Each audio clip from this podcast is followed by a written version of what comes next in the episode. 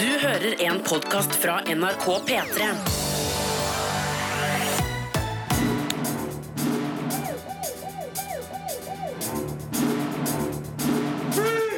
Filmpolitiet! What's your name, dude? Birger Vestmo.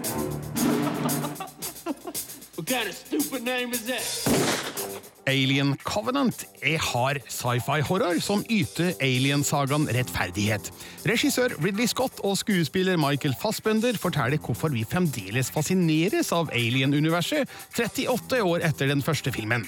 Den norske premieren, Drib, regissert av Christopher Borgli, er herlig satire om reklamebransjen, og King Arthur, Legend of the Sword, er et bare delvis vellykka forsøk på å lage underholdning av et stykke britisk mytologi. I tillegg anmeldes premierefilmene Sierra Nevada, de første skal bli de siste, og Danserinnen, samt sesong to av TV-serien Master of None. Filmpolitiet. Alien Covenant har norgespremiere om ei uke, men har en førpremiere i flere norske byer i dag. Derfor får du min dom nå. Filmpolitiet anmelder film. You sure about this, Captain? How do you mean? We don't know what the fuck's out there. Alien Covenant bekrefter regissør Ridley Scotts ry som en virtuos verdensbygger. Kjennere av Alien vil bli henrykt over hvordan han har gått tilbake til sin originale film fra 1979 og henta frem elementer som effektivt trekker oss tilbake inn i det her universet, både med visuelle og soniske virkemidler som gir den rette atmosfæren av skrekk og mystikk. Det her er samtidig en av filmens svakheter. Den følger i all hovedsak den samme strukturen som Alien, og historien virker derfor i overkant kjent. Alien Covenant inneholder heldigvis en ganske radikal utvidelse av det kjente universet, som besvarer noen spørsmål som fansen har stilt seg i nesten 40 år. Det her er bokstavelig talt en fullblods alien-film, for det her er hard sci-fi-horror som yter sagaen rettferdighet. It's the first ever large scale colonization mission to go this far into our galaxy. Making history. Romskipet Covenant er på en årelang reise til den fjerne planeten Origay 6 med 2000 kolonister i hypersøvn. Mannskapet, som annet består av Daniels, spilt av Catherine Waterston, Oram, spilt av Billy Crydup, Tennessee, spilt av Danny McBride, og androiden Walter, spilt av Michael Fassbender, vekkes av en nødsituasjon og lander på en ukjent planet for å sjekke et mystisk signal. Der oppdager de noe fryktelig som setter dem alle i stor fare. Covenant, do you read me? What's happening? Alien Covenant følger altså malen fra den første filmen, uten å avsløre noe av det her for å ikke spolere handlinga. Det kan påpekes som en svakhet, for det øker forutsigbarheten for dem som kjenner Alien ut og inn.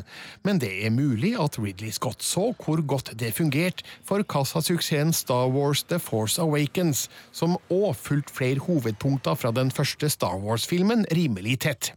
Det fungerer òg godt for Alien Covenant, som samtidig bygger ut det her horroruniverset i en interessant retning, og avslutter på en måte som gir sagaen all muligheter til å fortsette.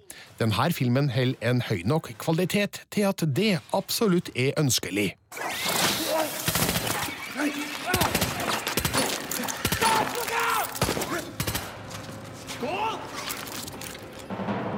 Terningkast fem.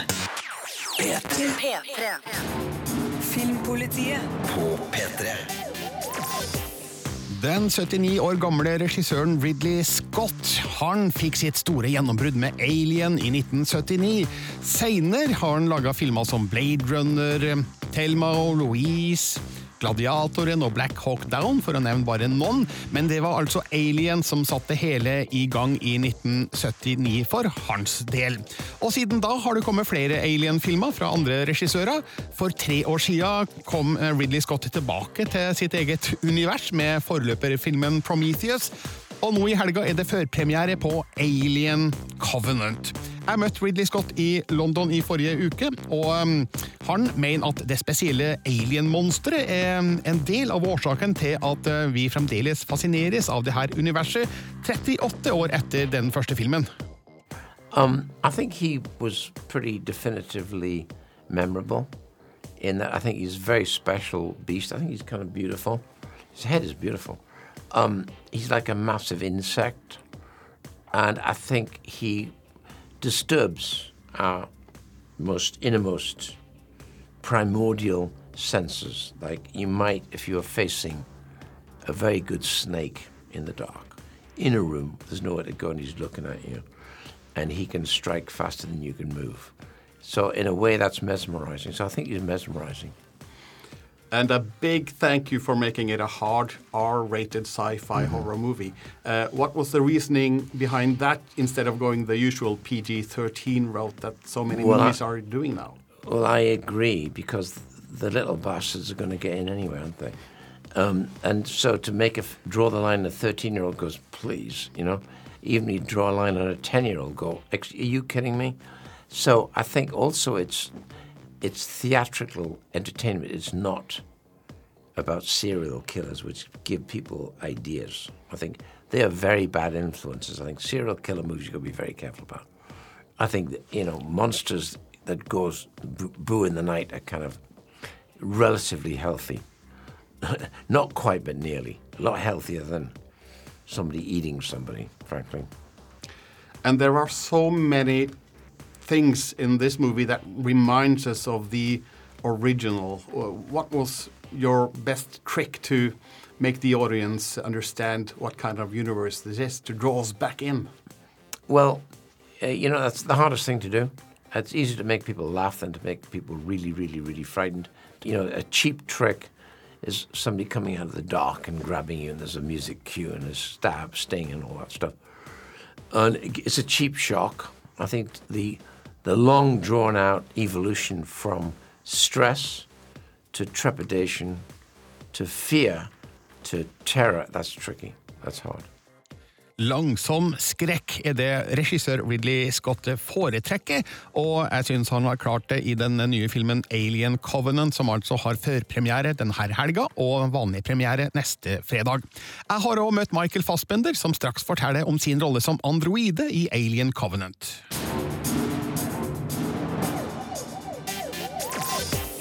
Det handler om eh, filmen Alien Covenant eh, her i dag, fordi den har førpremiere denne helga og norgespremiere om ei uke. Jeg har møtt eh, Michael Fassbender.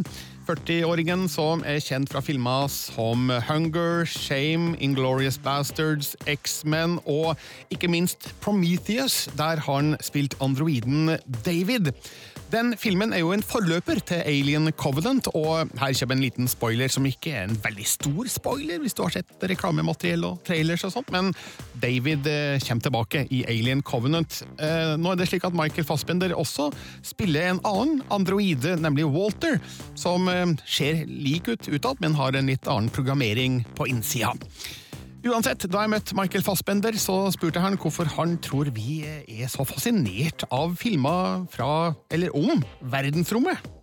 I guess because we're interested in space first and foremost. I think since you know, since we've been on this planet, we've been looking up at the stars and uh, and trying to find some relationship to them.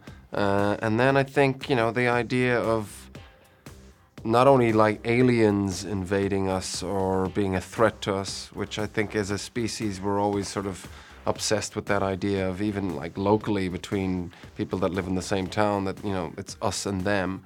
Uh, uh, we have that within us, and then I think you know the the, the idea that they that they use us as hosts, that they grow inside of us, and that they you know come out of our bodies. I think that's another um, terrifying concept. Uh, so yeah, it's obviously just captures the our our imagination. you have played David once before, and uh, there's a clear connection between him and Ash, and also partly Bishop from Alien and Aliens. Uh, They seem very intrigued by what they call perfect organisms. Why do you think that is? Because I think they're highly intelligent, and um, there, with that comes an appreciation for things that function very well, and that are just like um, we would appreciate, you know, the, the intric- intricacies of, of nature, you know, and how you know uh, a tree is born and grows and dies, or uh, a, a flower. So I think it's just. Um, also, something new, something that's not in their programming that they haven't seen before. It's new information. Androids in movies tend to have a limited emotional range. Uh, how does that challenge you as an actor to get emotions across? Well, David doesn't. So that's the fun with him. You can sort of play around with that.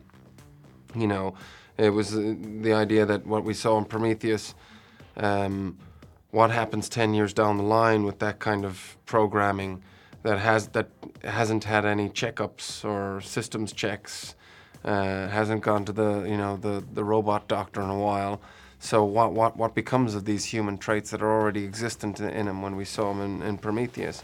So that was fun to play with that. And then of course Walter is the opposite of that. He is devoid of human. Um, uh, characteristics. So it was cool to be able to have that to play off off David. So when they're both in the same room, you have someone who's very neutral and contained, and then someone who's very expressive and effusive almost. Du får altså Michael Fassbender ganger to i Alien Covenant, i rollene som androidene Walter og David. P3. Filmpolitiet anmelder film. De ce nu iei din mezelurile astea să-ți faci un sandwich ceva, că până vine popa ăsta... Sierra Nevada er en verbal mitraljøse full av høyrøsta samfunnskritikk og gjenkjennelige familieproblemer.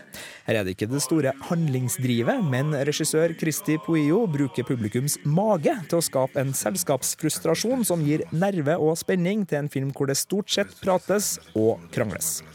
Men det er ikke til å komme bort fra at på sine tre timer så hadde filmen hatt godt av å trimme bort en del av samtalene.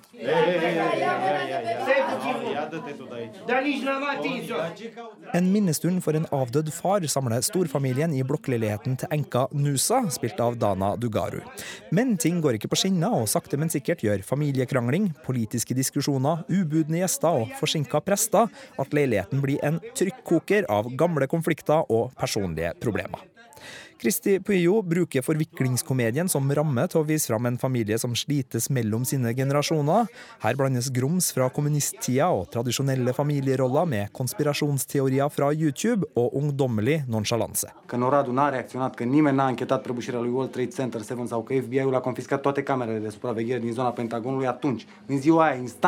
Noradul n-a reacționat, că nimeni n-a închetat prăbușirea lui World Trade Center 7 sau că FBI-ul a confiscat toate camerele de supraveghere din zona Pentagonului atunci, în ziua aia, instant. Kameraet er ofte plassert i gangen, hvor dører åpnes og lukkes, og vårt rollegalleri beveger seg mellom samtaler, rom og konflikter.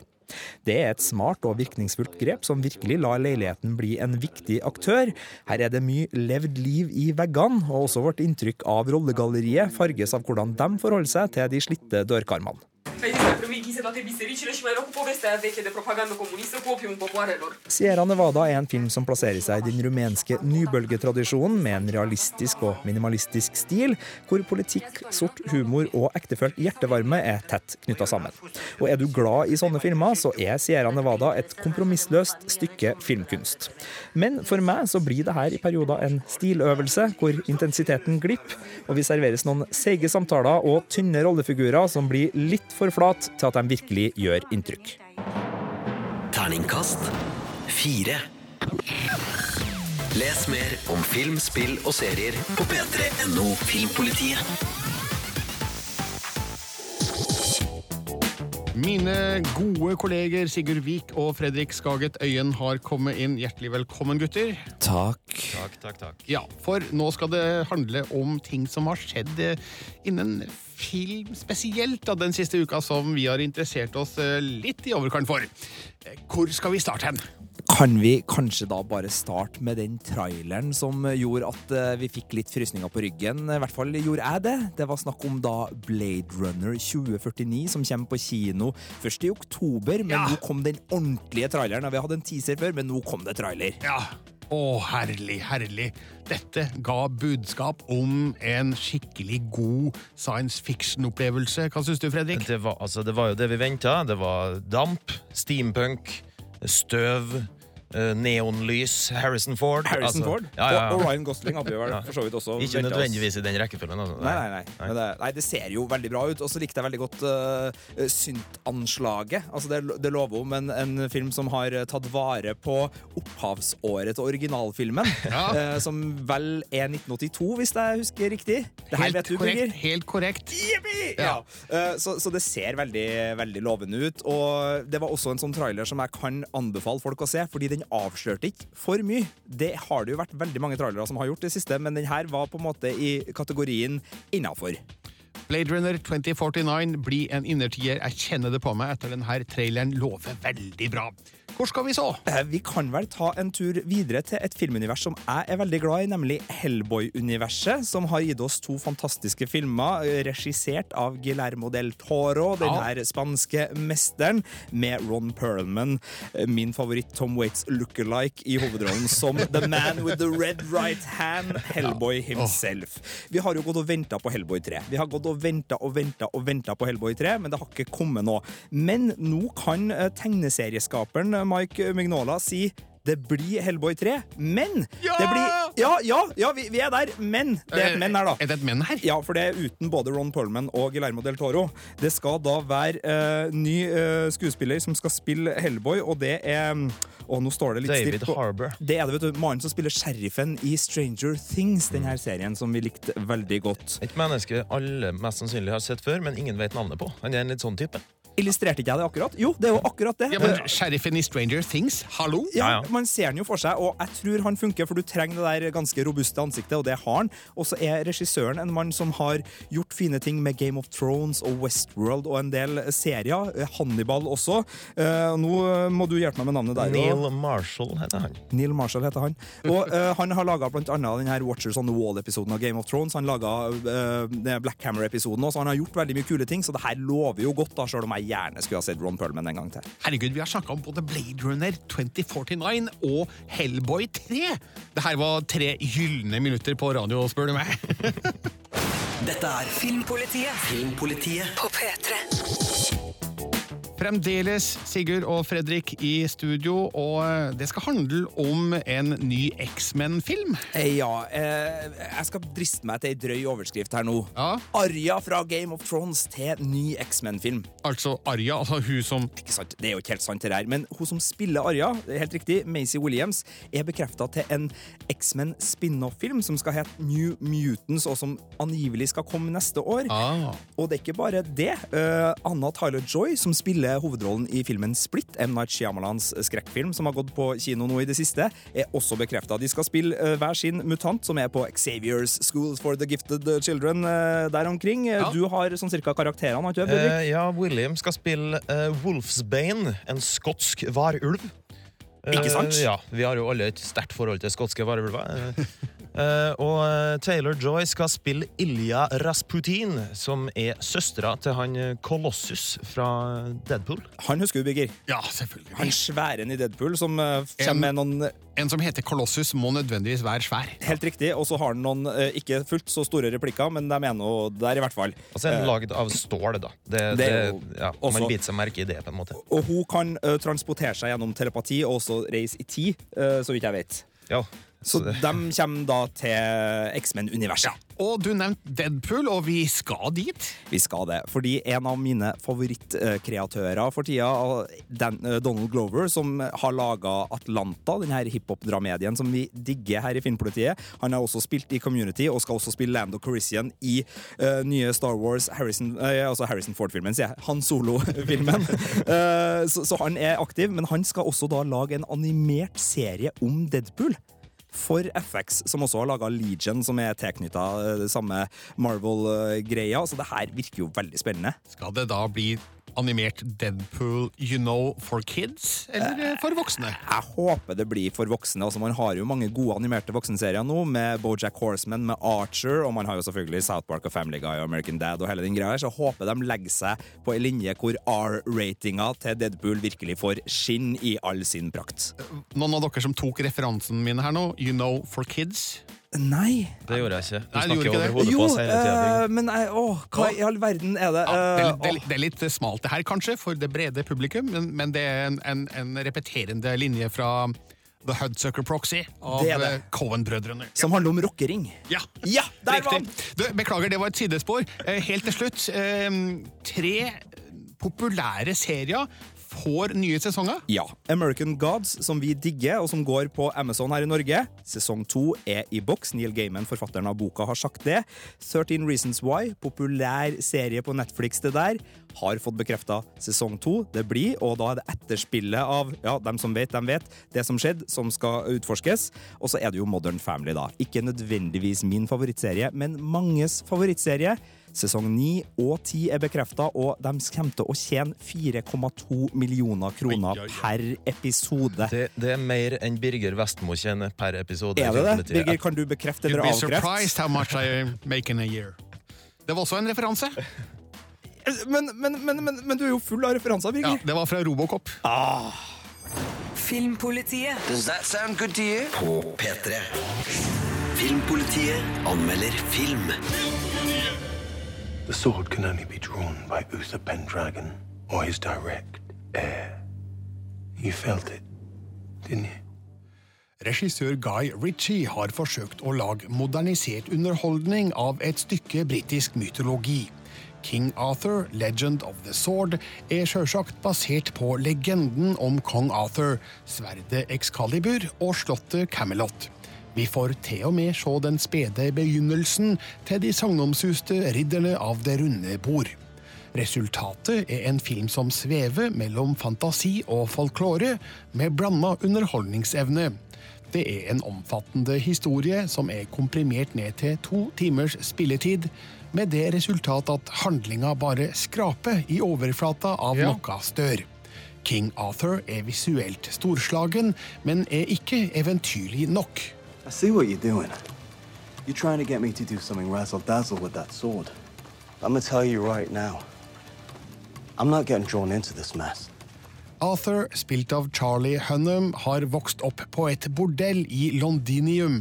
Når kong Vortigern, spilt av Jude Law, tvinger all menn i en viss alder til å forsøke å ta sverdet Excalibur ut av en stein, blir det avslørt at Arthur er sønn av avdøde kong Uther, spilt av Eric Bana, som mange år tidligere ble forrådt av sin egen bror, altså Vortigern. Arthur har egentlig ingen interesse av å utfordre tronen, men omstendigheter gjør at han til slutt ikke har noe annet valg enn å gå imot sin onde onkel. Riots are spreading. Not just in Londinium, across the whole country. People are fighting for you. If there was ever a chance, it's now. Guy Ritchie gjør som han pleier, og tråkker til med et kjapt og lekende filmspråk, noe som frisker opp en litt utbrent sjanger. Filmen lever godt når pilene suser og sverdene synger. Det er likevel ikke helt lett å forstå hvorfor man skal bry seg stort om figurene, for dem får ikke tid og rom til å skinne. We don't have time to argue, Bill. Some of us will make it out in time. Some of us won't. Well, better some than none! King Arthur underholder effektivt i flere spenningssekvenser med god flyt og store effekter. Filmen har et imponerende visuelt uttrykk og noen gode spenningsscener, men det litt anonyme persongalleriet mangler publikumsfavoritter som man ønsker å se mer av. King Arthur fungerer helt fint som denne ukas eventyrfilm, men det er tvilsomt om den får leve et spesielt langt liv i vår popkulturelle bevissthet. So what happens now? You know what happens now. You're quickly becoming a legend. Terningkast tre. P3.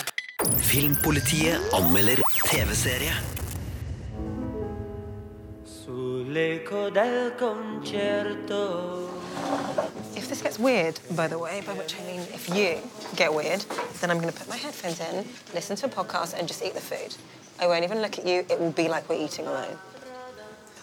Well, if you get weird, I'll do the same thing. That's a really good plan. Her hørte vi komiker Asis Ansari i eh, sin rolle i serien Master of None. Sesong to har premiere på Netflix i dag. Ti av ti episoder ligger ut.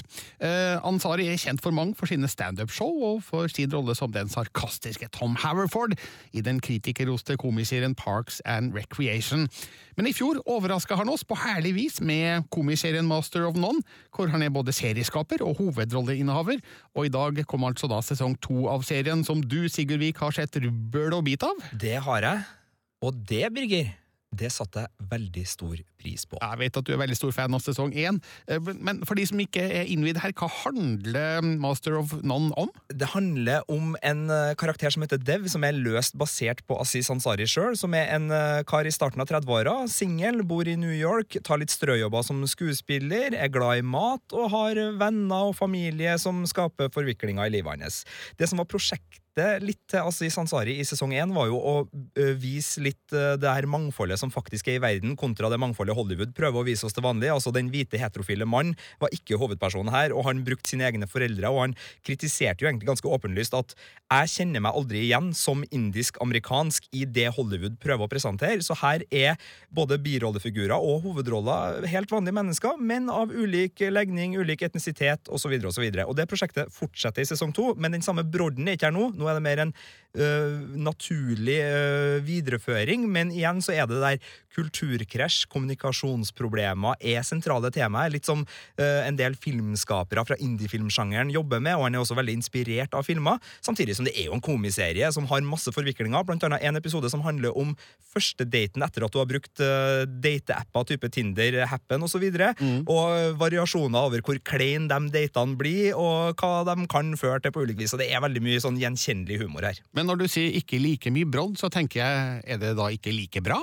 Det er like bra, øh, men det ville ha vært øh, kanskje litt sånn anstrengt hvis en skulle ha fortsatt å male, øh, mæle veldig hardt på den kaka, men det er fremdeles sånn at han tar det opp, og det er episoder som virkelig er via til utfordringer som ikke hører hjem i de som ikke har en kamp å ta, da, for å si det sånn. For eksempel så er det en svart kvinne som er veldig bekymra for at dattera er lesbisk. Ikke fordi at dattera er lesbisk, men fordi hun allerede har så mye mot seg i samfunnet som svart og i USA. Og hvis hun i tillegg skal være lesbisk, da blir det trasig. Så den familiedynamikken utforskes i en egen episode. Så prosjektet vedvarer. Det her er herlige innblikk og, og veldig mye kritikk på de stereotypene og de slitte uh, typene som presenteres. Men det er ikke et så altså I, i sesongen så gikk han jo direkte til angrep og, og hadde dialoger hvor han direkte kritiserte uh, typecasting av indere med aksent, f.eks. i Hollywood. Ti episoder. Eh, Kan det binges, eller eh, bitvis? Jeg anbefaler å binge det, fordi det jeg har snakka om nå, er bare litt av det serien handler om. Den er utrolig rik, det er masse kjærlighet, det er masse humor, det er masse varme, og de er små, de her episodene. Som sånn små, litt som et sånn tapas-morty som man bare kan kose seg med. Og så er det masse god mat her òg. Nei, det er nydelig, altså. Absolutt å anbefale. Master of None sesong to har premiere på Netflix i,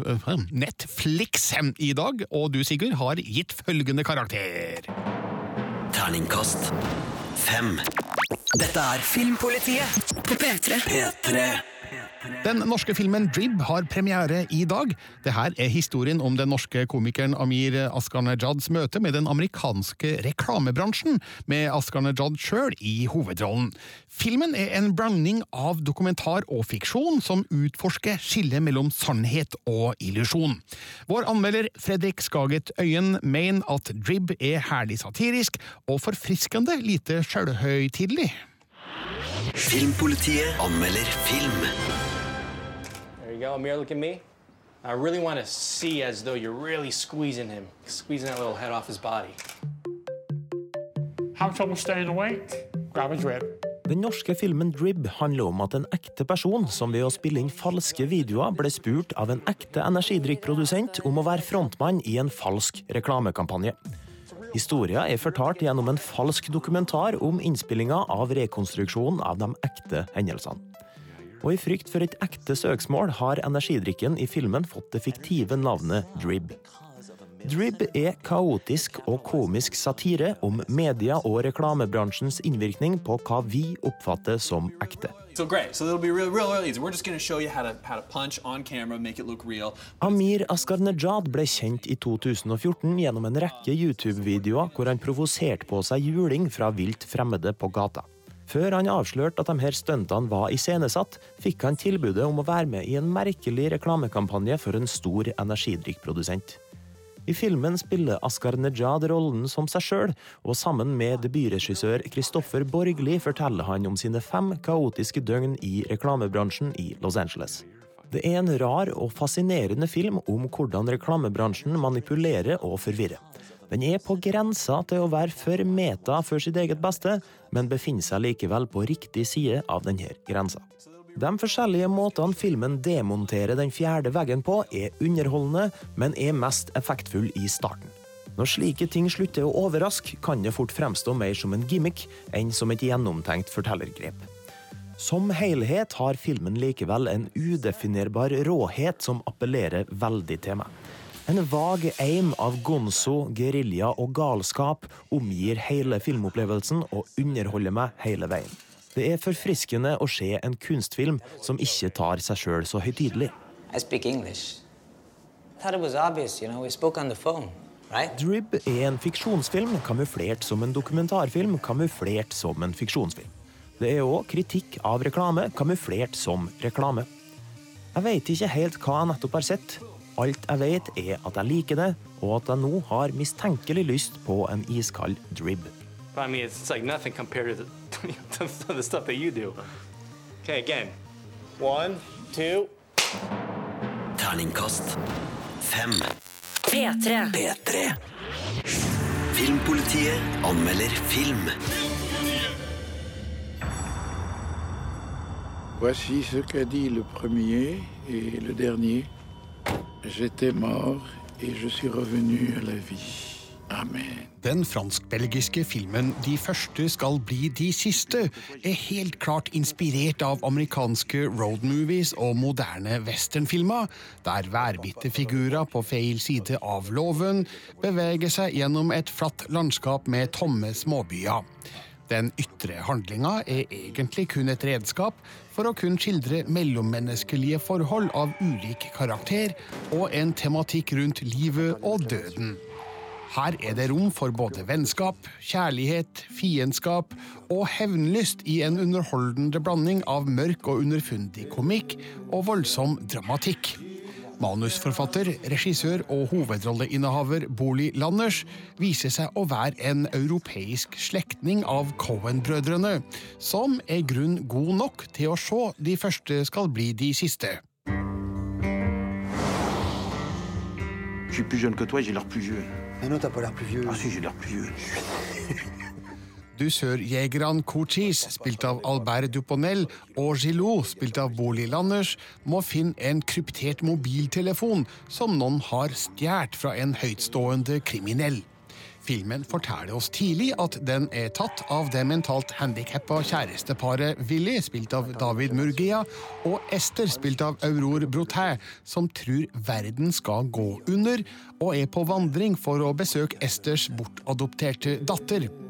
Dusørjegerne kommer på sporet av dem, men får problemer med både sykdom og lokale tøffinger i en liten by på veien.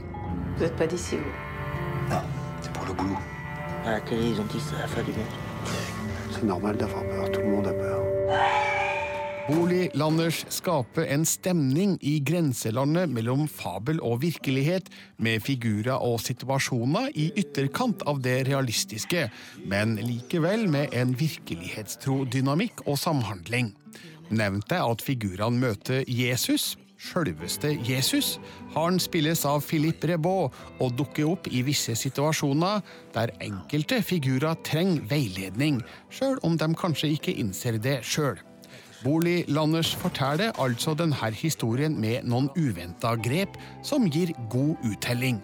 De første skal bli de siste, er en underholdende miks av mørk humor, filosofering rundt livet og døden, og sjangertro innslag av krim, western og roadmovie. C'est ça que t'appelles un petit problème de voiture C'est quoi ton métier, toi C'est un petit peu difficile à expliquer. Terningkast fem. Les mer om film, spill og serier på p3.no Filmpolitiet.